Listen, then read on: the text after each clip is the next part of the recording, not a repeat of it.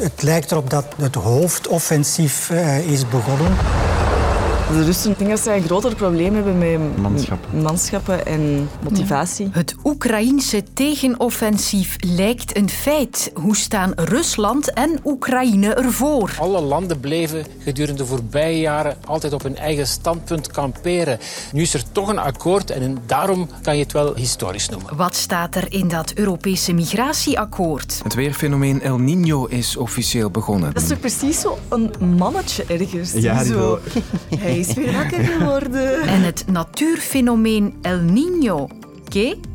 Het wordt ons allemaal duidelijk in de volgende 15 minuten. Welkom bij het kwartier. Ik ben Sophie van der Dood.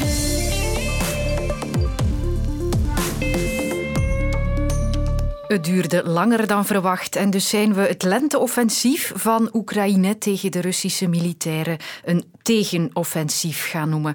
Maar op de drempel van de zomer lijkt dat nu echt wel begonnen. And it really does look like Ukraine's counteroffensive has begun. Viele Militärexperten gehen deshalb davon aus, dass die Gegenoffensive begonnen hat. NBC News has learned that country's counteroffensive has begun. La contre-offensive ukrainienne a bel et bien commencé. De updates volgen elkaar in snel tempo op. De gevechten aan de frontlijn worden heviger. En daarom wil ik weten hoe beide partijen er militair voor staan op dit moment. Ik kom terecht bij luitenant-kolonel Tom Simoens en oud-commandant Marte Kruijf met een aantal vragen. Waar? Nou, wat, wat heel duidelijk is, dat eigenlijk over de volle breedte Oekraïne aanvalt. En dat is ook logisch, want de eerste fase die bestaat uit het, eh, de Russen zo lang mogelijk in het ongewis houden waar de hoofdstoot komt. Wij noemen dat het zwaartepunt als militair. En dat betekent over de hele breedte van het front van Kharkiv in het noorden tot bij Zaporizhia in het zuiden uh, Oekraïne nu aanvalt. Dus ik denk dat we drie grote doelstellingen van de Oekraïnse grondoperaties kunnen ontwaren. Eén, Zaporizhia. Ik denk nog altijd dat ze gaan proberen de kerncentrale onder hun controle te brengen. Twee, ik denk dat ze gaan proberen de landbrug die de Krim in het westen met de Donbass in het oosten verbindt en die ze sinds februari, maart 22 in handen hebben, om die op zijn minst uh, door te knippen of het gebruik ervan uh, door Rusland moeilijker te maken. En dan een derde objectief is vooral een politiek objectief. Als ze erin zouden slagen om de Russen een pak slaag te geven in en rond Bakhmut, zou dat een ongelooflijk politiek succes zijn. Ah, ja! Met wie? Volgens eh, de voorschriften zou je als aanvaller een eh, meerderheid moeten hebben in manschappen. Die heeft Oekraïne niet. Er zijn ongeveer evenveel manschappen in inzet. Maar dan praten we puur over de mathematische kant van oorlogvoering. Het grote verschil wat mij betreft zal moeten gemaakt worden niet door het aantal manschappen, maar door de kwaliteit. En dus eh, dan kijken we toch naar de brigades die Oekraïne aan de kant heeft gehouden. Dat gaat dus over niet alleen die negen of tien westers getrainde brigades, maar ook een twintigtal minder getrainde, laten we zeggen puur Oekraïnse brigades, maar die ook wel aan de kant zijn gehouden en dus als verse strijdkrachten in de strijd kunnen worden geworpen. Maar wat ook cruciaal is in zo'n fase is hoe is het moreel en het leiderschap van de troepen die worden ingezet. Tot nu toe, in de ervaring van deze oorlog, is duidelijk dat de wil om te vechten aan de Oekraïnse kant hoger is en het leiderschap van meer kwaliteit is dan aan de Russische kant. Ik heb toch gelezen dat bijvoorbeeld alle militairen die in die westers getrainde brigades zitten, dat die geselecteerd zijn, dat die ook een gesprek hebben gehad voor ze werden toegelaten. Met andere woorden, ze hebben moeten solliciteren. Dus aan motivatie aan Oekraïnse zijde zit dat wel goed, denk ik. Aan Russische zijde hebben we natuurlijk heel veel berichten over wantoestanden, gevechten tussen Russische eenheden. Dat is één kant van het narratief. Tegelijkertijd moeten we toch vaststellen dat we die verhalen al een jaar horen. Maar ik denk dat we ons moeten behoeden voor wishful thinking met betrekking tot het slechte moreel aan Russische zijde. Waarmee? Het is duidelijk dat de voorbije maanden uh, Oekraïne heel veel middelen gekregen heeft. Dat gaat van tanks tot gevechtsvoertuigen, tot artillerie en ook munitie. Ik denk ook dat Oekraïne de voorbije maanden wel zo slim geweest is om een spaarpotje aan te leggen, om voldoende munitie te kunnen concentreren om hun grondoperaties nu te steunen. Dus ik denk dat qua materieel Oekraïne in een goede positie zit. De kwaliteit van de voertuigen die uit het westen komen is in principe hoger dan wat de Russen hebben. Rusland uh, industrie uh, produceert per maand tientallen tanks en meer dan honderdtallen panzervoertuigen en draait volop in een oorlogseconomie om munitie te produceren. Toch zijn ze voor uh, geavanceerde middelen afhankelijk van het buitenland, bijvoorbeeld drones uit Iran. En ze hebben moeite om precisiemunitie te produceren, omdat ze een gebrek hebben aan microchips. Dus het wordt een beetje een strijd van gemechaniseerde Oekraïnse formaties op allerlei panzer- en rupsvoertuigen en wielvoertuigen tegen uh, Russische infanterie in loopgraven gesteund door artillerie. Dat wordt een beetje, denk ik, het beeld dat we zullen zien als er wat meer video's uh, opduiken. Maar, maar, kijk, ik ben relatief optimistisch. Ook al wordt het een hele zware dobber en zijn mijn gedachten bij de Oekraïnse soldaten die het moeten verwezenlijken. Als we het over asiel en migratie hebben, dan is de kans heel groot dat er op een bepaald moment dit wordt gezegd. Klopt dat er nood is aan, aan Europese samenwerking en een Europese oplossing. Ja, maar hoe komt het dat er geen Europese asielcrisis is, maar wel crisis is in België? Ik ben er al heel hard aan aan het werken en aan de kar aan het trekken, ook op Europees niveau. Europa, de EU, het Europese niveau, die woorden vallen. En na lang wachten is het zover. Sinds gisteravond hebben we een nieuw Europees asiel- en migratieakkoord. Half zes is het laatste voorstel afgekeurd en dan uh, hebben de Zweden het voorzitterschap gezegd we gaan uh, nog één voorstel op tafel liggen, leggen, maar wat ons betreft hebben we nog de hele nacht. Dus dan weet je van, ze gaan echt doortrekken. En het zit er ook in. Europa-journalist Leen de Witte vertelt welke twee belangrijke punten we uit dit akkoord moeten onthouden. Punt 1. Er komt een systeem van verplichte, maar flexibele solidariteit. Dat elk land een bijdrage moet doen in de opvang van asielzoekers. Het is zo dat die niet in elk land in even grote uh, getalen aankomen. Maar dat is al heel lang een strijd. Hè. Wie moet dan die lasten dragen? Eigenlijk moet iedereen dat doen. Dus gaan ze op zoek naar een manier om die lasten te verdelen. Alleen is er al heel lang een grote nee van een aantal landen in Oost-Europa die zeggen wij willen geen asielzoekers opvangen.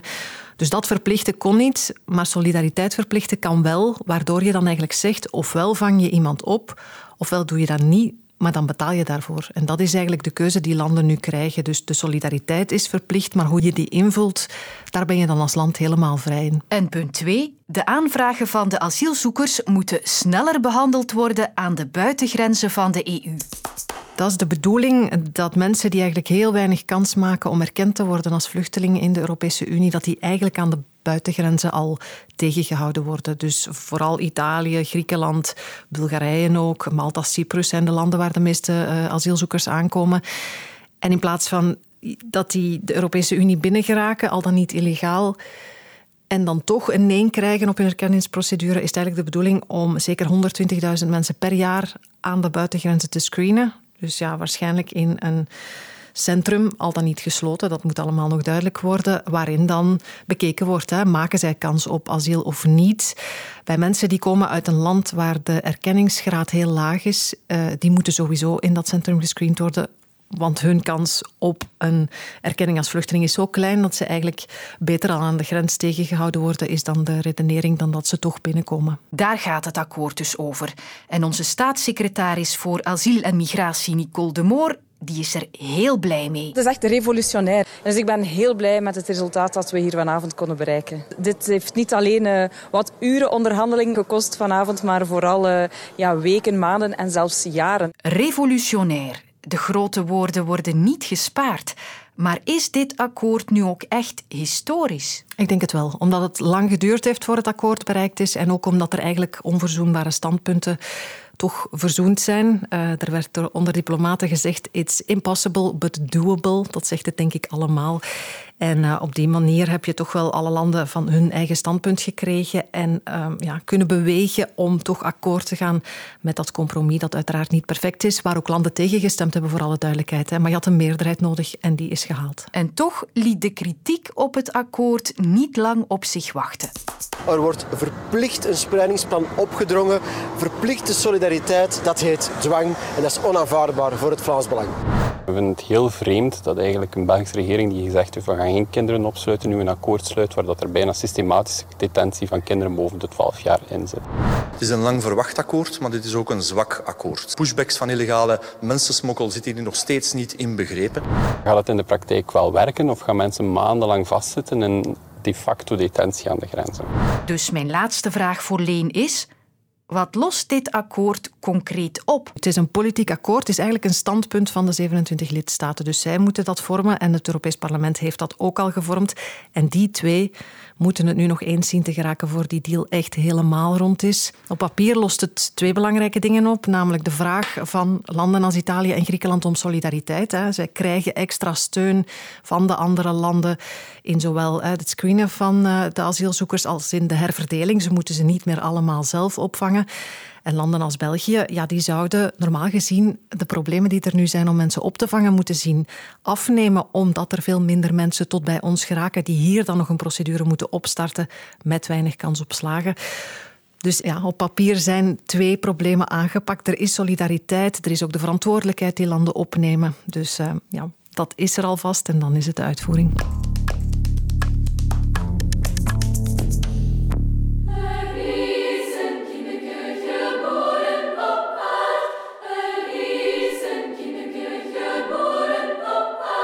Ik weet het, het is het begin van een hittegolf, maar ik moet toch een kerstklassieker bovenhalen. Dat heeft alles te maken met El Niño en met anchovies. Geen grap. Lang geleden al stelden vissers in Peru, in Zuid-Amerika, iets vast waar ze toen geen verklaring voor hadden. Rond de kerstperiode werd het zeewater warmer en verdween hun belangrijkste broodwinning, de anchovies. Ze gingen dat fenomeen El Niño noemen, jongen in het Spaans, maar ook een verwijzing naar het kindeke Jezus. Dus toen toepasselijk voor de tijd van het jaar, maar toch een veel te lieflijke naam voor een ingrijpend natuurverschijnsel in de stille oceaan. Dat gebeurt om de 2 tot 7 jaar. En ook nu trekt El Niño zich weer op gang. Hola, podría comenzar el fenómeno del niño. Yeah, the U.S. Climate Prediction Center currently has the likelihood of El Nino conditions developing and persisting. And, and it can actually have big impacts on the United States and across the world. Hallo, uh, pak een stoel. Ik ga daar uitleg over vragen bij weerman Bram Verbrugge. Bram, we staan hier voor een klassieke wereldkaart. En El Niño speelt zich eigenlijk af op de plek waar de linker- en de rechterkant van die kaart samenkomen in de Stille Oceaan. Het gaat inderdaad om het gebied in het uh, oostelijke gedeelte van de Stille Oceaan. Eigenlijk het, het water uit het westen van Mexico en van Latijns-Amerika. Daar, in die streek, daar hebben we de laatste dagen een, uh, ja, een abnormaal hoge stijging van de watertemperatuur gemeten. Dus het is begonnen. Dus het is begonnen. Wat gebeurt er eigenlijk? Um, in die regio zijn er meestal heel sterke noordoostenwinden. En die noordoostenwinden die houden eigenlijk stormen in die regio een beetje tegen om richting het oosten door te gaan.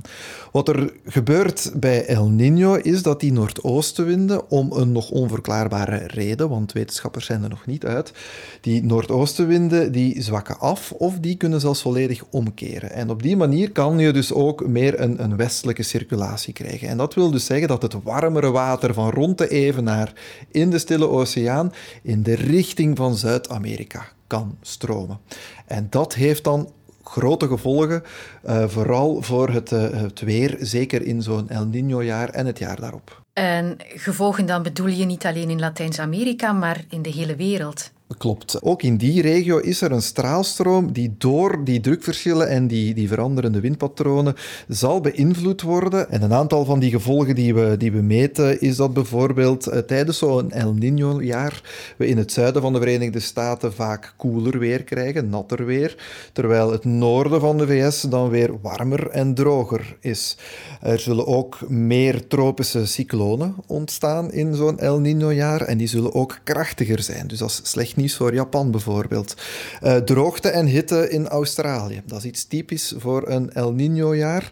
Zuid-Afrika krijgt dan weer al te maken met meer regenval. Terwijl in het Amazonewoud zien we dat er normaal gezien in een El Niño-jaar dat er daar dan droger weer is. Voor ons valt de invloed eigenlijk wel mee. Wat er bij ons eventueel zou kunnen zijn, is een iets natter voorjaar. Maar de link met El Niño is nog niet, nog niet volledig duidelijk. We zitten ook wel al met de klimaatopwarming. Heeft dat ook invloed? Het is niet zo dat klimaatverstoring op zich een invloed zal hebben op de frequentie van El Niño bijvoorbeeld.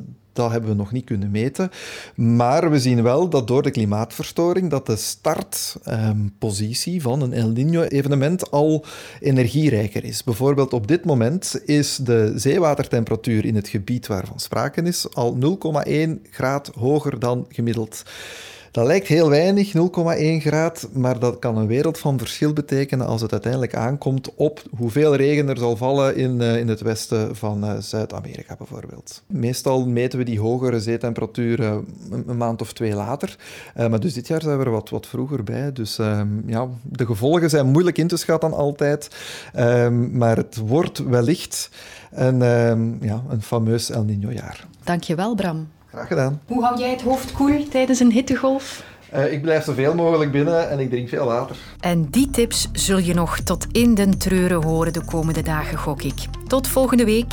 Luister ook naar de podcast van de week, waarin Stijn van de Voorde zijn licht laat schijnen over het popnieuws samen met een bekende gast. Nu in de app van VRT Max.